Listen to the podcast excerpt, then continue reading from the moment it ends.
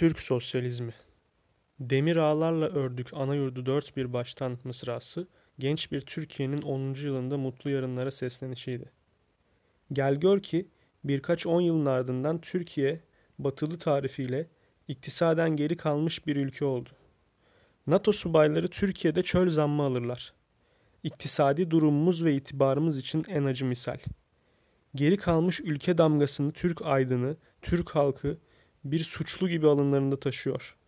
Yıllarca kendi çilesine terk edilen fakir halk, geciken yarınların ıstırabı içinde toprak parlamento ağalığına dayanan demokrasimiz son 10 yılda sadece köşe başı milyonerleri türetmiş, mutlu azınlıklar umutsuz çoğunluğun ıstıraplarıyla zenginleşmiş, iktisadi plan, siyasi müte müteşebbislerin kasalarına bağlanmış, vergiler dar gelirlerin omuzlarına yüklenmiş.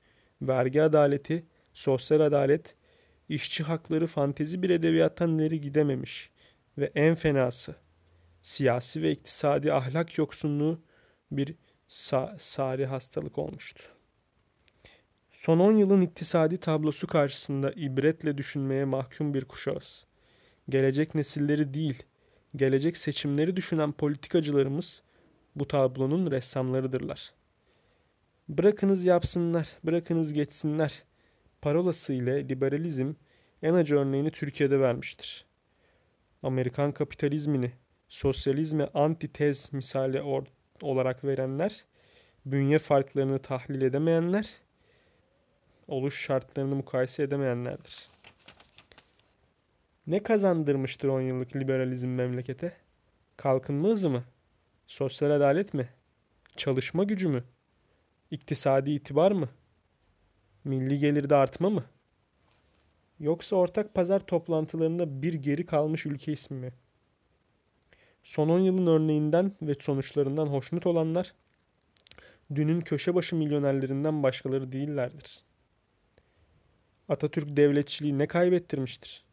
Veyahut iktisadi şartlarımızda ne derece bir değişiklik olmuştur?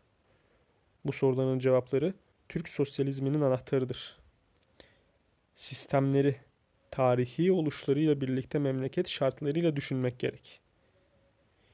Sosyalizm, Lenin'in tarihinde bir işçi diktatörlüğü, batılı tariflerde bir iktisadi demokrasi, yani halkın iktisaden kendi kendisini idare etmesidir.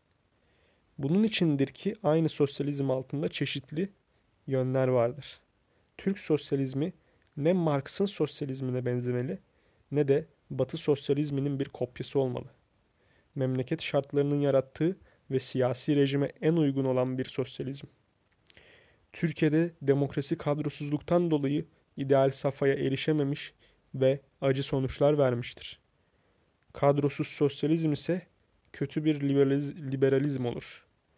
Acılarını yine milletçe çekeriz.